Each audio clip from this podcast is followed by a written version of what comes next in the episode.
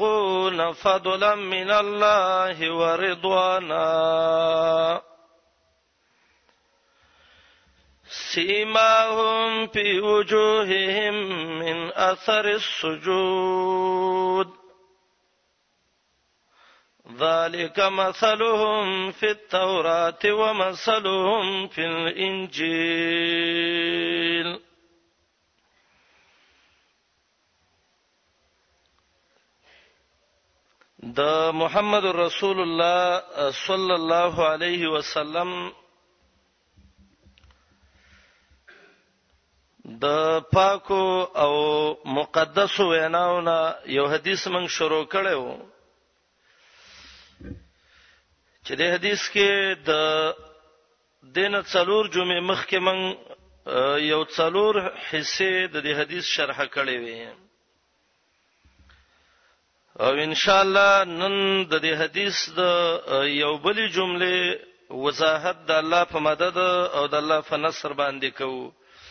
الله دې زما استاد سره ټولو د هدایت او د کامیابی ذریعہ وګرځي او الله دې ما او تاسو ټولو له په عمل کولو توفیق نصیب کړي دا موضوع من شرح کوله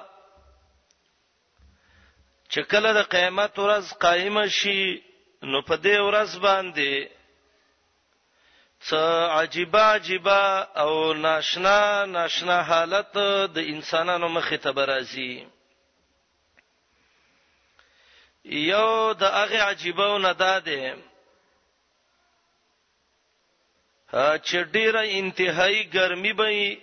سوری به نه وي، د انسان د بدن د یخېدو اسباب به نه وي. الله رب العالمین به د عرش د سوري د لاندې یا الله به یو خاص سوری جوړ کړي او الله به د وو قسمه خلکو ګرمایش د دغه سوري د لاندې ختم کړي.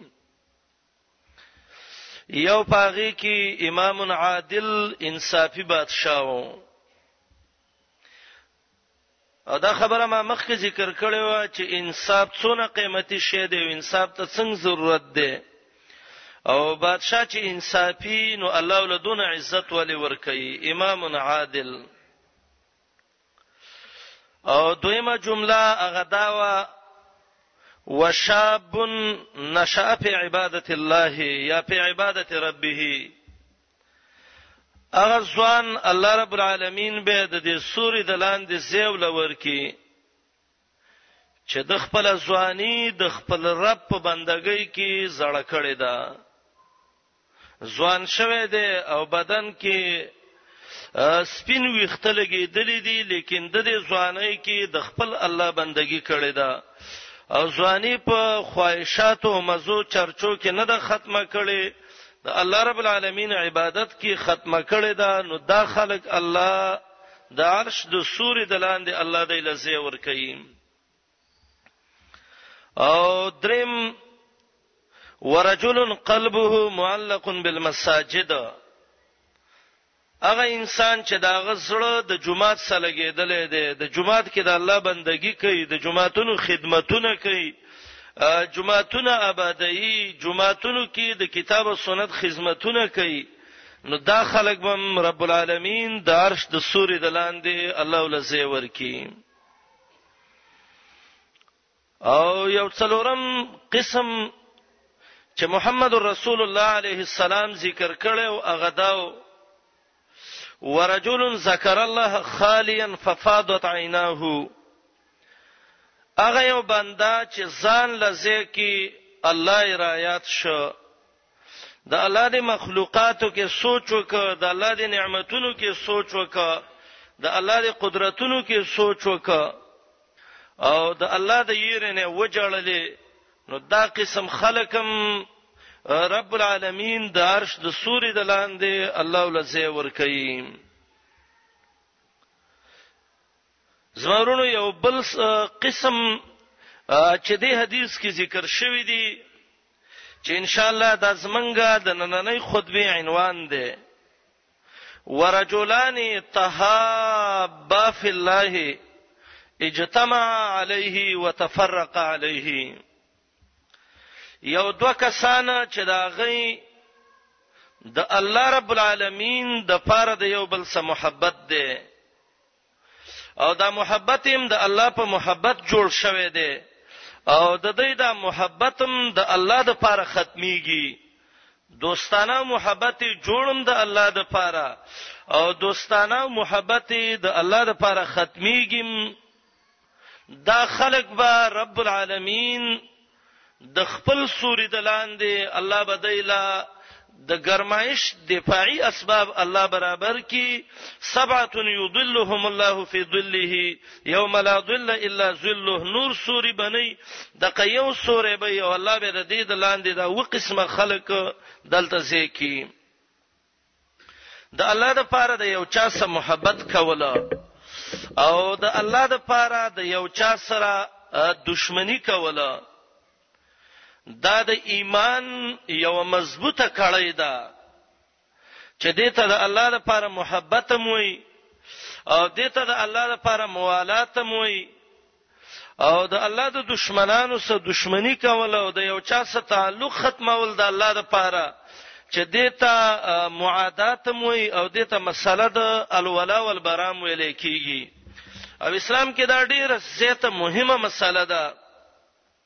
تر دې چې بعضې علما وایي چې د لا اله الا الله دې کلمه کې د یو جز کې موالات دی او د دویم جز کې براءت دی د غیر الله نه براءت لا اله او د الا الله دې کې غولا او محبت د الله رب العالمین سره دغه کې مسائل یو درې ذهن ته لګي ضروری دي چې سړی و پیژني یو مسله دا چې د الله سره محبت دې ته الحب لله وای د الله سره محبت او د رب العالمین د ذات سره محبت او د دې فواید او هغه اسباب چې هغه جالب دي سړی راکاږي د الله محبت ته نو ان شاء الله دا به منګه په درس د شعب الایمان کې وي او مجالس سليمان کوم درس شم شروع کړی دی لیکن دلته یو لوی خبره غدا ده چې محبت لله د الله د پاره د یو چا سره محبت کول دا ډیره مهمه خبره ده او ډیر زړونه د دینه خالی دي د چا د یو چا سره محبتي د دې د پاره چې د سړی سره پیسې دی او په څه طریقه به ته زواخلمه دا یو نوع د محبت ده د چا محبت د منافقتی خکاره کې ځان وسخه دوست ثابت کی است د شپې مړ کی او ختمي کی دته محبت النفاق ویل کیږي او د چا محبت د دې د وجې نه لحب الرياسه چې د د سمینه ساتمه چې دار له سبا ووټ را کی او ایستزبه د علاقې او د کلی او مشر او مقرر شمه دا محبت لریاسه ده او زمورونو کله کله محبت د دې د پاره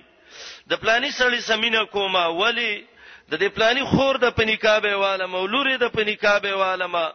او یا بل زه خور لور پنیکابه نه ورکم د یو نوع د محبت ده خو کوم محبت چې غل لله ده هغه دې ته محبت ته نه ویل کیږي محبت لله دې ته ویل کیږي یو سړی دی خوخ دی ولې دی خوخ دی زکه دا سړی زما د الله خوخ دی د دې سړی زما د الله سمینه ده د دې سړی زما د دین سمینه ده زما د پیغمبر سمینه ده زما د رب او زما د پیغمبر د قوانینو احترام کوي نو زما د دې سړی سمینه ده نو دې مینې ته محبت لله ویل کیږي د الله لپاره محبت ډیره مشکله خبره ده حدیث کې راځي محمد رسول الله علیه السلام وی د دې مؤمنانو مثال به اخر وخت کې دسی لکه سلو خان دی او په دې سلو خانو کې یو قابل د دینه چې سړی په صحیح سورلی وکی نبی علی صلوات و سلام وی د مؤمنانو فوج او لخر چې کله دول زره ته ورسی به ولا شکست نه خوري نن راشي وګورئ مسلمانانو په جون سونه ډیر دي خو هغه صحیح ایمان چې د الله په محبت را جمع کیږي هغه ډیر کم دی او دا صفت د محمد رسول الله د مرګرو چې رحمه او بینهم خپل منځ کې یو بل باندې ډیر رحم دی لو ډیر زیات مهربان وو ډیر زیات شفقت کوونکی وو د الله رب العالمین نه دا سوال کوي اے الله زمنګ نفس په دې مغالبه کې چې موږ د چا سره یو لالچ او د موادو او د دنیا د دوستانه او د تعلقاتو په ذریعہ باندې محبت وساتو الله زمنګ محبت خالص ستاسو رضا لپاره وګرځي یا الله زمونږ ناسته زمونږ کیناستل زمونږ ملاقات کول او زمونږ د یو چا سره تعلق ساتل اللهم اجعله خالصا لوجهك الله ستاد مخو ستاد رضا د پاره وګرځي نبی علیہ السلام به دعا هم کوله اللهم لا تجعل الدنيا اکبر همنا ولا مبلغ علمنا ولا غايه سعينا یا الله دنیا زمنګ لوی غایه او غرض مګر زه رب العالمین چې زمنګ تعلقات ستاسو بندگانو سره الله د دنیا په سبب باندې الله د هغه خلکو نه مونږ وګرځي چې رب العالمین ستاد ذات صداغي محبتي او ستاد محبت په وجبانه زمنګ د هغه سره محبتي رسول الله علیه الصلاۃ والسلام دې سجده باندې پروت دی جاړي صحابیو ما دا غوګور نږدې کچې دا د الله نبی کومه دعا کوي چې دا د سیوت سجاړي و چې ګورم داغه په جبه باندې دا کلمات جاری وو اللهم انی اسالک حبک وحب من يحبك وحب كل عمل يقربني الى حبك اے رب العالمین ستا په محبت زما زړه آباد کې الله یا الله د هغه خلکو سره زما محبت پیدا کی چې ستا سره محبت رب العالمین یا الله د هغه عمل سره محبت پیدا کی چې ستا محبت ته زه در رسیدم رب العالمین اللهم انی اسالک حبک وحب من يحبك وحب كل عمل يقربني الى حبك دعا ډیره وی وی اے رب العالمین الله ستا په محبت زمنګ زړونه آباد کړي وعبادة الرحمن غاية حبه ما ذل عابده هما قطبان امام ابن قیم وی د الله عبادت مقصدی شی دار چې د انسان زړه کې د الله محبت راشي او دویم نبی علی السلام ویلي الله د هغه خلکو سره زما محبت پیدا کړي رب العالمین چې دا غي ستاسو محبت دی یا الله د هغه عمل سمې مینه پیدا کړي چې الله ستاسو محبت ته په زدر رسیدګما د نیکانو خلکو سره محبت کول زمورونو د الله د پاره دا د سه محبت دی چې دا انسان د الله محبت تر سي رسول الله علیه السلام به یو مثال ذکر کاوه د خه مجلس او د غلط مجلس وای کله چې ته د لوار او د اینګر دکان ته ورشي نو الته به یا خود سی وشي چې ور بس کروټه راشي او ستا جامې به وسیږي او یا به لوګي راشي دا سترګې به ترخی کی او یا به د سی وشي چې تبا غزه کې دا ګرد غبار به دونه کی چې نظر به د خراب ګډوډ کی او که د عطار او د خوشبوئی والا دکان لورلې نو یا به خوشبوئی درکې او که خوشبوئی درنه کې اسیغه بوی خو به باندې راشي کنه زمورونو د نیکانو خلکو مجلسونو کې کیناستلم د سیدی یا به تی پوره دین یاد کې او یا چې هغه کم مجلس کې وسناسته نو تا ته به الله یاد شي د دې وجه نه المجموع د مهذب شرح چې امام نووي دا لوی کتاب لیکلی دی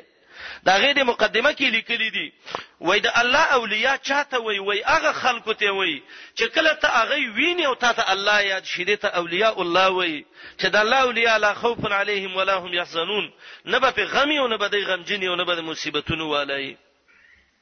زما ورونو دا ډیر ایمان کې یو لوی جز دا دی چې الحب فی الله والبغض فی الله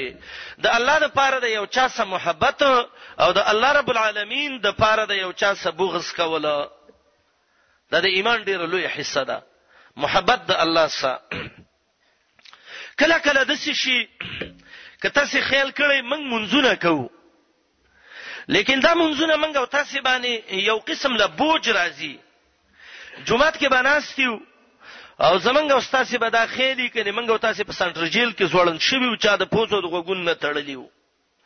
او قران ته به ناست یو داسې به خپه ناست یو لکه چا چې موږ زنجیرونو کې تړلی وو راکاږي مرګ ته او کله به مونږ کیو امام به د شقرات لګ معمولی وګت کی او موږ به د ځان سپوکی کو چوف تبا شدا دی مولای سه بل کار نشته دمه سړی دی دا مرزونه چې د چا زړه کې ځان سره سوچ وکړي د دې انسان په زړه کې د عبادت خوند او لذت نشته حلاوت الايمان او لذت الايمان د دې سړي نشته دی د ایمان مزه او خوند نشته دی سفیان الثوری ډیر لوی عالم دی ماشاءالله هغه وی کابت علی الصلاه 40 سنه څولېخ کاله ما په منځ باندې مشقت وکړ چې زما د دې منځ هغه خوند پیدا کما نو کله چې یو څولېختم کال شنو فوجدت حلاوه العباده زبې د عبادت په خوان به پویدم وې چې مونږ به میکو هم مزه به راکوله او تلاوت چې به کم میکو نو هم خوان به راکو او کنه وافل به میکو نو هم خوان به راکو ځکه علما وایي دا عالم چې قران لولي قاری چې قران لولي او دا مؤمن په سروسته د څه وګرځید او د څه خوشاله او د زړی لکه دا چې یو د میوو په یو باغ کې روان دی او د ګلونو په یو باغ کې دی نو دا سړی دی پوه شي د سړی ایمان مضبوط دی او کله د په دې زړه کې څه زیاقت راغې او تنگواله راغې او دا ویل چې دا به کله بس کې اوس دونه قصې جوړ کړه نو دا دې په دې پوښي کې د سړی د عبادت خوان نه دی څکلې او دا یو جدا موضوع ده ان شاء الله موږ به چیرته شرح کو ک جون موافقه وکړه ان شاء الله چې حلاوت الايمان والعباده د عبادت خوند او د ایمان مزه انسان ته په کوم کوم اسباب راځي یو سبب به دین نه درس کې منګو یو بخاری او مسلم کې یو حدیث دی حدیث د انس ابن مالک دی رضی الله عنه چې د الله د نبی لس کاله خدمتگار دی انس ابن مالک وی وای محمد رسول الله علیه السلام به ویل ثلاث من كن فيه وجد بهن حلاوه الايمان درې صفاتونه دي چې هر انسان کې پیدا شو نو الله رب العالمین به دې انسان له ایمان او د عبادت او د طاعت لذت او خوند او مزه به دې انسان ته په دې باندې ملاوي شي ثلاث من كن فيه علما وایي دا ثلاثون مقدم کړي دي اگر کله دې حق رستو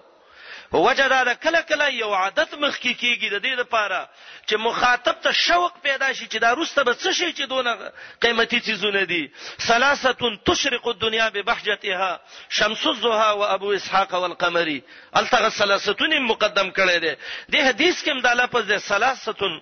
د الله نبی علیه السلام وایي ثلاثون درې صفتونه دي. من کنا فيه دا صفتونه چې چا کې رال نو وجد بهن حلاوت الايمان دا سړی به د ایمان خون د عبادت خون د لمونځ لذت ایمان لمونځ ته هم وایي، وما کان الله لیضیع ایمانکم، امام بخاري وایي هلته ایمان نه صلات او عبادت مراد دی، د لمونځ مزه او خوند به هغه سړی بې مزي چې دا درې څیزونه پکې راله. الله دې ما او تاسو ټولو کې راولي. یو دا دی، ان یکون الله ورسوله احب الیه مما سواهما، الله او رسول به د ټولې دنیا نه ډېر محبوب وي، بس ټولو کې به الله او رسول ډیر محبوبي د الله حکم به په ټولو حکمونو مخ کی د رسول الله حکم به په ټولو باندې مخ کی عمر ابن الخطاب ته نبی علیہ السلام ویل عمر زما سره مینه شته و یا رسول الله ډیره و څونه و من کل شی الا من نفسي د ټولو څیزونو نه راته ګرانه خو یره د ځان نه راته نه ګرانه د الله نبی علی السلام ته وی عمر لا یؤمن احدکم حتا اكون احب الیه من والده من نفسه من والده وولده والناس اجمعین او بعض روایتو کې من نفسه راغلی دی هغه پورې سړی مؤمن کامل نشي جوړې دی چې د ځان پلار مور د ټولو خلکو نو ته زه محبوب نشم نو د ایمان خوان هغه چاته به یو ملاویږي چې الله او رسول ته د ټولو نه ډیر محبوب شي الله دې د الله او د رسول محبت زموږ زړونو کې راولي دویم دا دی وان يحب المرء لا يحبه الا لله د یو انسان سره چې مینه او محبت ساتي او د یو انسان سره چې تعلق ساتي نو د دې تعلق د ساتلو سبب به دی چې د الله د پاره وان يحب المرء لا يحبه الا لله د الله د پاره تعلق مال ابن رجب حنبلی او عبارت کتلې یو ځکه ولا ډیر مزیدار عبارت مال ډیر خوان راک اغل تلی کړی دی وای الحب فی الله شجره مثمره تؤتي اكلها كل حين باذن ربها دا د الله سره مینه کول او د الله د پاره د یو چا سره مینه کول د دې مثال د یو میوهداري بوټي دی او داسې میوهدار بوټي چې هر وخت د دې میوه په بازار او په بوټي او بازار ارزه کې ملاويږي د الله لپاره محبت چې چا سوو دنیا کې بم د عزت ژوندۍ آخرت کې بنم د عزتي قبر کې بنم د عزتي او ان شاء الله دغه مرګري به د الله قیامت کې گاونډین وګرځي بس دې ځکه د الله نه دوه ډیر لوی سوالونه کو یو سوال دار چې زمنګ د ټولو محبت دی الله د الله د رضا لپاره وګرځي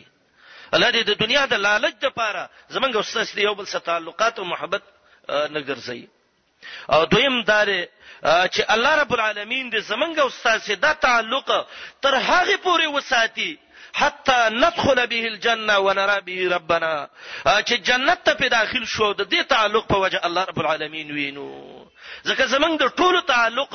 د خپلولۍ پلار جدا مور جدا قوم جدا نسب جدا خو زمنګ د ټولو ما به الاشتراک شیدار چې الله محمد رسول الله او د الله کتاب زمنګ استاد سیمنس کې دی و ان يحب المرء لا يحبه الا لله دا دویم سبب دی دا چې چا کې راغې والله دا سړی د ایمان خوند او د ایمان مزه به شي لټولې او دریم دا دی نبی علی السلام وی و ان یکره ان يعود فی الكفر بعد اذ انقذه الله منه کما یکره ان يقذف فی النار د دې انسان به کفر ته واپس کېدل دونه بدګنی چې کله ته الله خلاص کړي دي لکه ګرم ورته چې سړی غورځي او دا ځان دی اور ته ځان غورځول بد ګڼي نو کفر ته ورګرځېدل د کفر قانون ته ورګرځېدل کفر ته خو ځان نږدې کول د کفر او کافر سره وظیفه او ډیپټي کول دا به داسې بد ګڼي لکه څرنګه چې اور ته د ځان غورځول دا بد ګڼي نو حدیث سانس کې راغلی درې چیزونه دي چې په دې باندې درې صفاتونه چا کړهل رب العالمین د عبادت او د ایمان او د منځونو خوندونه او مزې ولا ورکوي یو په هغې کې دا و ان یحب المرء لا یحبه الا لله مینه به د بنده سره نه ساتي مګر د الله رب العالمین د پاره به ساتي او دې کې دا فائدہ ده دنیا پرسته نه وي چې زمونږ خپل منځ کې مینه ده فاګلان او لوفرز ټیپ خلک دام دیونه وي چې ګوره زما د پلاني سره محبت دی او هغه د پلاني سره نه محبت شرعي لفظ دی دا به په شرعي معانیو باندې حمله ولې شر محبتونه دي نه دي مراده یو حدیث کې راغلیو د ابو هريره رضی الله عنه حدیثو او دا حدیث هغه حدیثو کې علماي صاحبې چې د زور کلمات دی حدیث کې دي دا به تاسو ګورئ د حدیثو مطالعه کوي کوم حدیث کې چې تاسو له اول کې دا راتلل چې نبی علی السلام ویلي والذي نفس محمد بيده یا ویلي والذي نفسي بيده یا ویلي ليس منا دا جمله چې کوم حدیثو کې راتللې نو دا هغه حدیث چې دا د زور کلماتي د دین نور اخو تاکیدی کلام نه یو ځل نبی علی السلام وی ابو هريره رضی الله عنه وی وای محمد رسول الله علیه السلام تقریر کو او خطبه کې مونږ ته ویلې فوالذي نفس محمد بيديه زما دې په هغه الله قسمی چې د محمد رسول الله روح او ساده هغه په لاس کې ده په ولدی علما وې دي ته وګورئ فاکم تاکید دی ولدی دی وو کم دی او دا نفس محمد بيدیه دام ډیر تاکید دی او صریح نوم د محمد رسول الله دا ټول مفید د تاکید دی مؤکد خبره جناب رسول الله عليه السلام کوي وای فوالذي نفس محمد بيدیه زما دې په هغه رب العالمین قسم چې د محمد رسول الله روح دغه په لاس کې دی لا تدخلون الجنه یا لا تدخلوا الجنه حتا تؤمنوا تر هغه پوری جنت ته نشئ تللی چې ایمان د کې نه راغله ایمان چې د کې راغله به جنت ته ځي ولا تؤمنوا حتا تحابوا او ایمان د کې نشي راتله تر هغه پوری چې تاسو یو بل سره الله د پر محبت نه ساتلې لا تدخلوا الجنه حتى تؤمنوا ولا تؤمنوا حتى تحابوا یا تحاببتم بعض روایتو کې ده او بیا ته نبی علی السلام وی الا ادلکم علی امر اذا فعلتموه آیا یو داسې کار تاسو ته نه خېما چې تاسو هغه کار وکړئ نو احببتم تاسو به یو بل سره محبت او تعلق پیدا شي نو صحابه یا رسول الله دینه بلو یې کوم خبرې چې مونږ ته یو داسې چیز وخه چې په هغه زمنګ محبت پیدا کیږي نو نبی علی السلام وی افش السلام سلامونه یو بل باندې چوي دا د محبت یو سبب دی رسول الله به د محبت طریقې خودلې کله به صحابه ته ویل چې یو بل خواله ورځي تحادو تحفیز ان سوړی تحاب یو بل سبب مینه پیدا کیږي کله به ته ویل افش السلام سلام چوي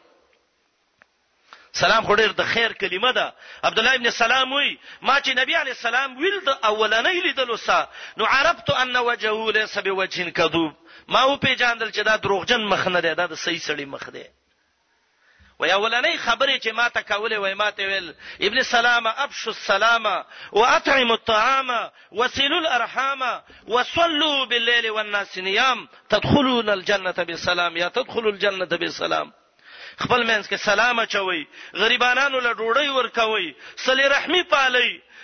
د غریبانو خیال ساتي نو تاسو چې جنت ته زینو ملائک به توي سلام علیکم سلام علیکم سلام اچل داغه سبب دی چې سړی پی د الله رب العالمین سره محبت پیدا کی سلام خو خلکو وشرمونن سبا چا خو سلام صرف د لاس اشاره وګرځو لاس اوچت کی ته به ټریفیک پولیس دی نه نه سلام خو یو طریقه ده شرعي طریقه ده بعضی سادهګان په کې د سیو کې یو مجلس لرای شي ډیر خلک ناسي دا پلاني خان السلام علیکم یدا الله بندا دې ډور مسلمانان ته دعا وکړه کله څو روپۍ دنه پیزي چې ټیکټ دنه څوک اخلي څه خلدي ماتيږي څه چل دي السلام علیکم د څه تخصیصونه نه دي پکار شریعت به سلام خود لري بعض یو بل سم خاموش خیر علی وې نو دا خو د خیر علی وې شي نه دی السلام علیکم چا ویل زمیدار السلام دی خچاره زمیدار چې ناس وي خچاره خچاره خپ څلوري شي نو چار د خشته د رسول الله خپ څلوري کې زه خو اخته ما په دې کارونو کې د خیره وکړي کو دعاګانې وکړي شریعت کې چې کوم الفاظ دي د بشري الفاظ باندې وي نبی علی السلام وی د سلام طریقه روان دي په ناس سلام چي راتلونکي دي په ناس دا د نبی له سلام طریقې خو د امام بخاری بابونه ذکر کړی دي دا د سلام طریقه ده دا د سلام طریقه ده عموما سلام کې عموم دعا کې عموم دا خو په کار ده ان باندې چې دعا خو ته مې جوړوي ترمذی کې چې راځي دعا یې کړې و اللهم ارحمني ومحمد یا الله یو په ما رحم وکي او دوی مې په رسول الله وکي ولا تشرک معنا هر ګر دریم ګړې را سمر ګرې نه کی نبی علی السلام ته مخ راواړوي ساده سړیا لقد تحجرت واسع الله پراخ رحمت او لک ځکه درابن کته ته څه عجیب سړی زمزم بارک راضی وای دا چې کله دا چینه را وخټ کېدل بخاری کې حدیث دی بی بی هاجره او تیست پولی جوړ کړي زمزم دا معنی ودرېګه ودرېګه ډندو کې ډندو کې وای والله کدای نه وې نو لکان عینن جاریه دا به یو د سې نهر وې چې سندونه به تی بيدلې خو بس پراخه ځای و په لږ ځای کې رابند کړ او زمزم وبو پسې خلک مړ کیږي او چې ریوړي اجین ماشاءالله یو څاز کې دوبو یو به پسې نیم کولر د نور ډکی کیو په غسلی زمزم خو به خلکو ډیر څه کله کنه دا الله ډیر پراخه رحمت دی سلام عام دعا ده به نه دغه کوي نو حدیث دغه کې راغلی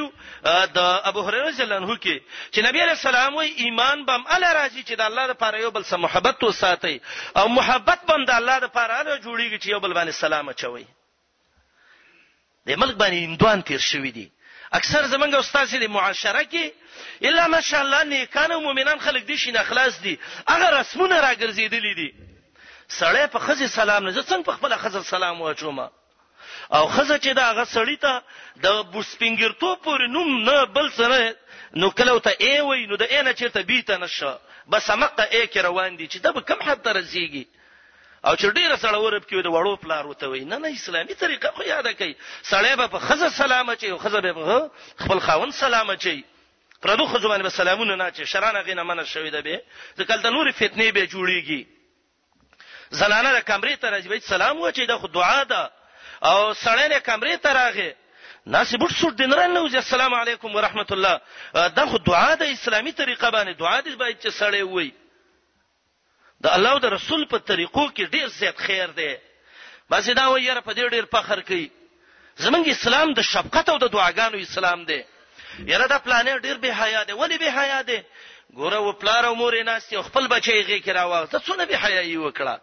ساده سړیا دا خو د الله یو شفقت دی او رحمت دی ستاسو له الله یې سره د الله نبی علی سلام حسن او حسین غی کې نیولیو یو بانډچی ول راغی وای زما بچی لاسو ته رسیدلی ما یو هم نه دی راغسته او استاد دوه نسی دی اوس نیغ نیغ کی رسول الله علیه السلام ته دا خو رحمت دی الله زما زړه کې چلے استاد غینې استلې نو زستا په زړه څو کوم چې الله ته دا رحمت استلې دی زمرونو دینی کارونو باندې ځانونو ته مسابقه وکي یو د بل مخ کې شي غلط رواجونه مات کوي غلط رسمونه مات کوي مؤمنان خزر غلط رواجونه او رسمونه مات کوي دا څه شرم دی خځې په خاون سلام واچو سړی مې شي ته ویلې الله او رسول چې کوم حدود خودلې دي باید چې فاغي باندې سړی و چلیږي سلام اچل ډیر د خیر کلمه ده دعاګانې دي سلام دی پتا د الله د پتونو نه بچ شي مصیبتونو نه بچ شي الله دې په خیر وساته خوشاله اوسېږي الله دې دین کې وساته الله دې جنت ته بوزه دا ټول د السلام معنی ده نو حدیث د ابو هريره جل الله کې دا دی ای جنت ته هغه پورې نشي نه نوته چې د الله لپاره محبت نه ساتلې د حدیث د ابو هريره جل الله کې یو دویم حدیث دی وای کله چې قیامت ورځ شي نو رب العالمین به محمد رسول الله علیه السلام وی وای رب العالمین به اعلان وکي اين المتحابون بجلالي یو حدیث د معاذ ابن جبل دی هغه کې متحابون فی جلالی دی او دی حدیث د ابو هريره رضی الله عنه کې المتحابون بجلالی دی هغه خلک څه شو چې هغه زما د لوی د وجې نه زما د پاره د یو بل سره محبت کو زما لوی زړه کې و د یو بل سره زما د عزت د وجې نه د یو بل سره ورورولي او محبتونه کول خلک نن را جمع کړئ او نبی علی السلام وی وی رب العالمین به وی الیوم اذلهم فی ظل یوم لا ظل الا ظلی صحیح حدیث د مسلم دی نن یو سورې ز جوړوم او دې کې هیڅ څوک نه پریدم ما سوا د هغه خلکو نه چې زما د پاره د یو بل سره محبت کړي هغه به د دې سوري د لاندې ناشتي اين المتحابون في جلالي اليوم اظلهم في ظل يوم لا ظل الا ظلي محمد رسول الله عليه السلام وي حديث معاذ بن جبل کې راغلی وي المتحابون في جلالي رب العالمین وای هغه خلک چې زما د عزت ته وجنه دی یو بل سره محبت کړي دي نبی علی السلام وی وی رب العالمین وی زب یو دس مرتبه ته ورسوما یغبطهم الانبیاء والشهداء پیغمبران او شهیدان به وی چرمان ده کدا مرتبه زمنګ ونه څونه بخوي الله اکبر صحیح حدیث ده د صحیحینو روایت کې بالکل کلام نشتا خبرم د محمد رسول الله دی محمد رسول الله هم د وحی نه په غیر خبره نه کوي رب العالمین وی حدیث قدسی دی معاذ ابن جبل رضی الله عنه راوی د حدیث دی معاذ ابن جبل او معاذ ابن جبل وای نبی علیه الصلاۃ والسلام وای دا د انس ابن مالک نم دا روایت نقل دی وای رب العالمین به قیامت کې وای زما د پخپل جلال قسمی هغه خلک چې زما په محبت باندې راجم شوی دي نن ولا یو داسې مرتبه ورکوم یغبطهم الشهداء والانبیاء انبیاء او شهدا چې پیغمبران او شهیدان به دې په پسخیږي چرمان دی که دا مرتبه زمونږ وینو دا به څونه خوي ډېر لوی مسله ده ورجلان تهابا فی الله اجتمع علیه وتفرق علیه ابو ادریس الخولانی دا ډېر یو نیک تابعی دی دا خپل واقعي ذکر کوي عام محدثین د دا روایت ذکر کوي وایزه یو ځل د دمشق مسجد ته رالمه او کله چې زه مسجد دمشق ته رالم چې ما وکتل فیضا فتن یو ناشنا خيسته ځوان مې ویل ده براق الصنایا دا مخامخ خونه د سپړقېدل خا د ګل په شان ښکارا کېدل لما دخلت مسجد دمشق فاذا فتن براق الصنایا یو نوجوان الک می ویل ده چې دا غاخونه سپین سپین مزیدار مزیدار پړقېدل وای مال سخوان راکخه او په زرګونو خلک مې د دینه چاپیره ویلدل د خلکو به خبرې کولې کولې کله چې یو مسله کې به شک شنو د لبرال نو د دنه به تاسو کنو سمن سره پوبه به واپس شو وای ما ته پوسو کې چې لکه دا خيسته خپل الګ څوک دی دا دلته ناس دی وای خلکو راته ویل چې والله هاذا معاذ ابن جبل دا معاذ ابن جبل رضی الله عنه دی عمر رضی الله عنه ویلو د معاذ بارکه عاجزت النساء ان تلدن مثل معاذ د دنیا خزي عاجز شوی دی چې د معاذ ابن جبل په شان بچی راوړي عاجزت النساء ان تلدن مثل معاذ او صحابه وی کنا نشبهه به داوود موږ ویل دا زمنګ د زمانه داوود علی السلام دی ناشنا سره او ماشاء الله وزرالم خورش ډیر ورځ راته ملاو نشو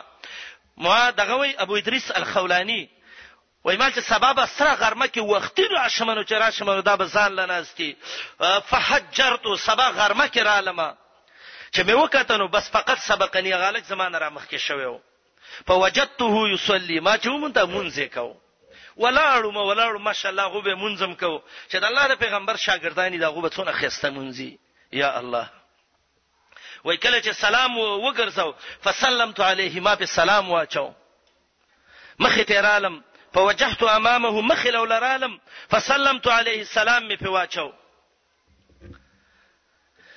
وای به تکیناستم وای ماته څنګه راغلی وروره وای ما ته ویل چې والله اني لاحبک زما دې په الله قسم زما د باندې سترګې ډېرې خوږې شوې او ډېر ښه عالم او د محمد رسول الله شاګرد زما صد الله لپاره محبت دی معاذ ابن جبل وای وای دې سړی وای ما ته ویل چې الله ستاره پر رب قسم چې ستاره الله لپاره ما سره محبت دی وای ما ته ویل چې الله وای بیا یې راته ویل، آلله استفهام دی، رښتیا ستا د الله لپاره ما څه محبت دی؟ وای مال چې الله، یو کې قصر دی او یو کې استفهام دی. وای چې دا خبره مې ورته وکړه، فاخذني بردائي یا بحقوه ردای د څادر نه ونیولم او دسه په جذبنی اعلانت سي ځان ته راخ کلم او ماته ویل چې راځه نشه سړی و مضبوط سړی و وای ما ته ویل چې ابشر ستا چې رشته زما صد الله د پاره محبت دی نو ابشر زل زیره در کوم په دې زیری باندې ځان خبر کا سمعت رسول الله صلی الله علیه وسلم ما د محمد رسول الله نه اوریدلی دی یقول قال الله عز وجل محمد رسول الله وی رب العالمین ویل دی وجبت محبتي للمتحابين فيها والمتجالسين فيها والمتزاورين فيها والمتبازلين فيها څلور کلمې محمد رسول الله ویلې دي چې رب العالمین وای زما محبت د هغه چا سره چې زما د پاره د زما د بنده سره محبت وساته او زما محبت د هغه چا څخه دی چې زما په محبت باندې په یو مجلس کې کېناستل او زما محبت د هغه چا څخه دی چې زما په محبت باندې د یو مؤمن سره ملاقات لاله او زما محبت د هغه چا څخه دی چې زما په محبت پیسې راوغستې او په یو بل مؤمن یې ولګولې قال الله عز وجل رب العالمين ویلی دی وجب محبتي للمتحابين فيها والمتجالسين فيها والمتزاورين فيها والمتبازلين فيها ابو ادریس خولانی وای هیڅ شی باندې دونه نوم خوشاله شوی لکه په دې خبره څونه خوشاله شو فما فرحت بشین فرحي بهذا د الله لپاره محبت دا ډېر ناشنا خبره ده ډېر اوچته خبره ده د کې سنت طریقه به دا ده چې ستاره یو چا سمینه او محبتي حدیث یاد کړي مقداد ابن معدی کرب ابو کریمه په نوم باندې دا یو صحابي دی ابو کریمه مقداد ابن معدی کرب رضی الله عنه مقدام ابن معدی کرب دا صحابي وای وای محمد رسول الله علیه السلام ما ته ویلی وو چې ستا د چا څه مینه وي فاخبره دا خبر کا چې پلانې زما ستا څه د الله دپاره مینه ده کله چې د الله دپاره د یو چا سره محبت وي نو هغه ته ووایه چې پلانې زما ستا څه د رب العالمین دپاره محبت دی انس رجل وی و یو ځل زه د نبی له سلام مجلس کې ناستم د مسلم حدیث دی فاذا رجل جالس معنا یو سړی په صحابه کې ناسو فمر رجل یو سړی دا غي په خو باندې د ستیر شو موږ درې کسان ناسو یا ډیرو د الله نبی علی السلام او زوم او دغه یو ناشنا صحابي ناسو فمر رجل یو سړی په دې لار د روانو نو دا موږ سره چې دا سړی ناست و، نو دا نبي علیه السلام ته وایي، یا رسول الله والله اني لاحب هذا الرجل، دا سړی چې روان دی زما د الله لپاره د دې څه مینه ده. نبی علیه السلام وایي ما ته ویلې اعلمته ته خبر کړی دی په دې چې زما سره د الله لپاره مینه ده؟ وایي ما دوی ته ویل چې نه، وایي راته ویل چې پاتېږه فاعلمه خبرې کا. نو دا صحابي وای زه ورپسې شوم او راومینم وای ما مې وتویل چې یا رجل والله انی لا احبک فی الله زما په الله قسم دی چې زما د الله لپاره تا سمینه ده ويغه ما ته ویل احبک الذي احببتني له احبک الذي احببتني له هغه الله دې تاسو مينه وکي چې د کم الله د پاره ستاسو ما سمينه ده دیو جن سنت طریقه دا ده چې د چا سره د الله د پاره محبت دی یو سړی ته د الله د پاره ګران دی هغه ته وی پلاني زما د الله د پاره تاسو مینه ده نو هغه به مسخله نه چنګي صحیح جواب به د تبوي احبک الذي احببتني له هغه الله چې د هغه د پاره ستاسو ما سره محبت دی هغه الله دې ستاسو مینه او محبت وساتي او زما ورونو کله چې د الله د پاره محبت راشي د الله د محبت علامه یا الله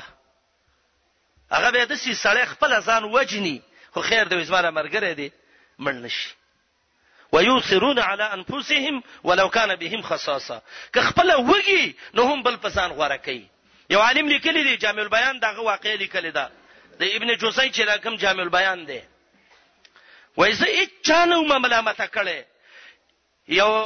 دغه مې ویلد د بلخ یو سړی مې ویلد وای وای هغه سم ملامت کړم نو چاته ویل چې د بلخي سړی څنګه ملامت کړی وای ما مسجد حرام کې ونیو ماته تپوس مانه تپوس وک چې مولوی صاحب قران کې راځي چې د مؤمن صفت دا چې د کې به ایثار ماده ایثار دې ته وي چې بل په ځان غوړه کوي ما تعدون الايثار فيكم ایثار تاسو څه شي ته وی وای ما ته ویل چې موږ ایثار دی ته ویو چې ان وجدنا اکلنا وان فقدنا صبرنا بس که څه وی خرو او که زهد او ایثار دی ته وی زهد او ایثار دی ته وی موږ دی ته حسابو که څه به می زو نو وی خرو او کنه نو موږ صبر کوو وای دی امی سړی راته ویل چې والله هکذا حال کلاب بلخین زمانه په الله قسم د بلخ ټول سپید سه زاهدان او متقین دي که څوک روړی ور واچي وی خوري او کني است صبر کوي الله ته وای سخت ملامت کړم چې دا څنګه خبر راته وکړه ما ته ویل زهد او پرېزګاری څه ته وی وی مال بس کوي او مو وی خورو کني الله ته صبر کو او هغه ویل چې زمنګ د بلخ ټول سپید سه زاهدان دي که روړی وی خوري او کني صبر کو وای ما ته ویل چې وروره تاسو څه ته وی وی وای ما ته ویل چې مونږ زهد او فرزګاری دي ته ویو ان وجدنا اثرنا وان فقدنا شکرنا کڅه به میزو بل مرګری لې ورکو او کڅه به نه میزو نو د الله شکر ادا کوو په هر حالت باندې نو دسه زهد چې مونږ کې راغې مونږ کې به ایثار راشي ایثار چې راغې به دا د الله رب العالمین د کامیابی صفاتو کې ذکر کړي دا د مدینه انصارو په باره کې وی ولذین تبوؤ الدار والایمان هغه خلک چې ایمان هم شته او کور هم د امن دی شته دی لا دلته د دې نه مخکې حاصل کړی یحبون من هاجر الیهم مهاجر سمینه ولی مهاجر سمینه ده د الله د پاره دا د ایمان علامه ده تاسو به حدیث اوریدل عام بیانېږي احد کې شهیدان پراته دي یو صحابي له ورور اوبه راوړې د هغه ځنکدن و نو چې دا اوبه څکلې تږی و نو بل ملګري یې زبېرګی وکړ نو هغه ویل دا ملګری مې تږی دی خیر زما زه به ګزاره وکړم خدای دې وڅکي ابغه بل لا ورتلې بل لا اوبه چې بیرته اول سر ته راورسېدلې اولم شهید و دویم دریم څلورم پنځم اوبه بیرته پاتې شو ترمذی حدیث ده مدینه منوره کې یو کور لچا د ګډ سر د الله پر رضا ورکا چې دا تاسو پوخ کوي غریبانان یې وی وی خورئ هغه ویل یاره زما نو ته د گاونډي ډیر ضرورت دی هغه له چې ورکه هغه سوچ کس مان زما گاونډي ډیر ضرورت دی بچی ډیر لړبو ته کیږي ابل ابل لقد تداولت راس شاد سبعه بیات یو د ګډ سرو په وو کورونو وګرځید اخر اول کور ته به تر ورسید ښا دته محبت الله د پاره وایي مشهور واقعه ده یو صحابي دی مجزات ابن ثور او دا مجزات ابن ثور چې دی رضی الله عنه د د په باره کې راځي چې اسد الله د الله ازمره دی د محمد رسول الله د شاګردانو کې یو ازمره صحابي دی مجزات ابن ثور الکمی البطل مضبوط ځوان به د تویل قادسیه جنگ وشو مشهور جنگ و د عمر ابن الخطاب زمانہ کې مجزات ابن ثور هغه علاقه کې او چې علاقه کې د عمر ابن الخطاب د طرف نه والی او گورنر ابو موسی اشعری رضی الله عنه دا ډېر یو د ایمان د جوړېدو واقعیا ده دې صحابه و خوږی خې دی چې موږ ته به کم وخت کې امیر المؤمنین اعلان کوي چې تاسو په تستر خار باندې ورشي او د هرمزان نه د ملک ونیسي هرمزان ډیر لوی یو زړور سړی او علما ذکر کوي چې د تستر خار چې دی نو په دنیا کې د څه خسته قلعه چې تستر کما جوړه کړې و دا کم ملکو نو داسې خار چیرته تاریخ کې نو چې د خسته به جوړ شوی عمر رضی الله عنه خط ولیکه چې ابو موسی اشعری د لخر دې جمع کا ورشه تستر باندې حمله وکي او هرمزان مړ کړي هغه چې وکتل لخر کې څلور جماعتونه جوړ کړ مشرت الجيش د چپ طرف باندې ولا مزاد ابن ثور مقرر کړ وتویل ته د دې مشرت الجيش امیر شد مجاهدینو او کله چې ورلل نو د دې باره کې راځي چې تقریبا بعضو روایتو کې سل راځي او بعضو روایتو کې اتلس راځي چې دای ته دونه خرونه ونیول خو اخیرانه چې کله د تستر د خار ته ورنوتل نو د هرمزان یو لوی قلاوه او دا غینه چاپیره یو دسه خندق جوړ کړو چې هغه کې ور بل کړو او دا خلک په کیو په دې طریقه باندې جنگ کېده خو هیڅ قسم لا رسید رساندګي وته نشو کېده او دا قلعه چې واده د تستر کلی کې شازورانی او ته بعضی روایتو کې راځي دای په یو چت ځای باندې جوړه کړې و او دله تقریبا په 3 کیلومترۍ کې پټي یو سین وبراوستي وي او دلته راخاره شوی وي دته هیڅ قسم لار نه و د ورتګ صحابه هم شهیدان کړو او تقریبا ډېرې حمله په وکړې خو د تستر د خار نه فتح کېده داسې الله رب العالمین مؤمنانو ته کله دغه کوي الله لري را کولاوي ابو موسی شاری دی ولاړل چې ګوري د کافر د طرف نه یو غشه راغې او دا غشي په دې سر کې یو خط لیکل او د مخې تر او غرسیده اتلسم ورځ باندې نو خط کې لیکلی و چې زه یو د فارس یو ولکه ما او هرمزان زما ورور وجلې دی او ماتم بد بد ګوري او مام وجني او دغه به وکړو که تاسو مال امن راکوي زه به په څه طریقه در وزم او تاسو ته بلار وخم او تاسو به د تستر خار او د شازوران قلا چې هرمزان پکې ده دا به تاسو فتح کوي بس ده ته بیرته زر خط ولیکه ورویر ته په غشي وای سیده هغه ته بیرته دویم ځل خط راوړته زه د شپې دروزمه نیمه شپه را سړی راوته او ته ویل تاسو لار نه د معلومه ما سنن یو الک ولېږي د سی یو الک چې هغه وې زه د مړ شمه کمل شیم خیر دی خو چې د سر نه تیر ځواني او لامبوزنی لامبو متیادی مجاهدینو ته به چې لامبو میادي نو داسې سړی وګورئ، داسې هلک موږ له وګورئ، نو زه به ورته یو لار وښیم، هغه دا دی چې دې قلعې ته چې دا خلک پکې تاسې محاصره کړي دي، د پنځه یا د څلور میله نه اخوا یو پټ سیند راغلی دی او په هغه کې به ور ودانګي او دلته به راوځي. یو صحابي ته ویلې، هغه یې ویلې موږ ځو. مزات ابن ثور وته وی زما بدن دې ټوټي ټوټي شي د الله لپاره چې زما مرګره زخمی نشي زبلاړ شم دا خیر دی زه دې مړ شم خو چې مرګره مې دې مړ نشي او دا ډیره لوی قرباني ده چې سړی وي خیر دې ته دې بچي په ما دې دا ګولې ولېږي اچ ورغه ابو موسی شری زله ته ویل زی خو زی خو زت ګور درې نصیحت کومه یو دار چې کڅتا په یو چا وس ورسیدم وجنه بینه منګله به بیرته خبر راوړي او دویم یو ته دا ویل چې د الله نه مدد غواړه او دریم یو ته دا ویلې چې زی خو زی خدای الله د حدود خیال وساته چې د الله حدود دنه خراب نشي دا صحابي وای مزاد وای چې ما ور ودانګلې دي سین ته د مرګره مخ کیو او زور په سیو مولا شپه مقص شروع ده نو پاو کم درې غنټې کې منګه پلامبو را وته او د قلاته او چې ما وکتل زه چې کوم ځای ته راووتم نو هرمزان زما د لاس لاندې و که ما پې ګزار کولی وژلی مې شو خو ما ته د ابو موسی شری خبره یاده و چې امیر ویلی چې څه به وته نه وي لار مې صحیح کړه او ما ته ویل چې ځه اوس شپږنیمو یا وو ګنټو کې زه بیا راووتم ځکه مخ په بره وبو کې تګ ډېر ګران دی او جموع یې تیار کړ ډیر ناکاره سینو پاغه کې وتل او دای پټ را ایستل او پکې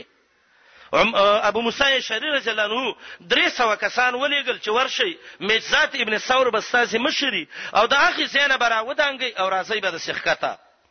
او د الله حمد به وی وی ورځی به او چې کله ورسېدی نو چې څوک مخې لارته ولې خو دروازې ته چې را ورسېدی او دروازه هم کلا وکړه نو د الله اکبر چغه به وکي نو چې نور مؤمنان درشي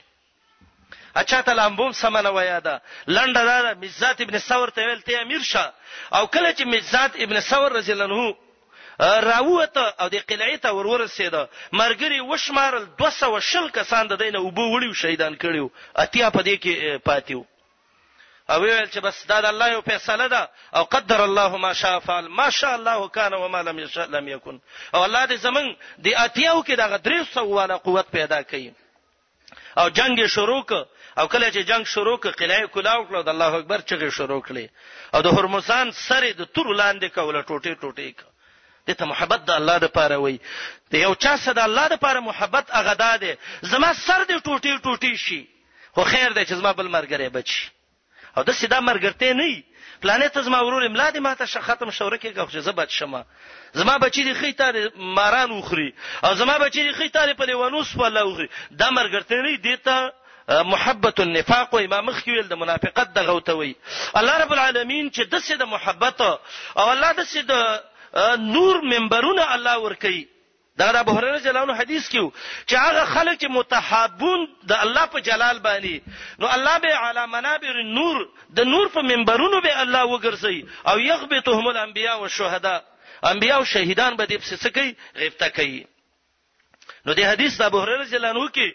چې نبی علی السلام ویل چې و خلق دي یضلهم الله فی ظله الله به خپل سوري کې داخل کی یو پکې هغه دی هغه دوه کسان چې د الله لپاره محبتي دا دوستانه هم د الله لپاره یو به ورانه دلیم د الله رب العالمین د پاره یي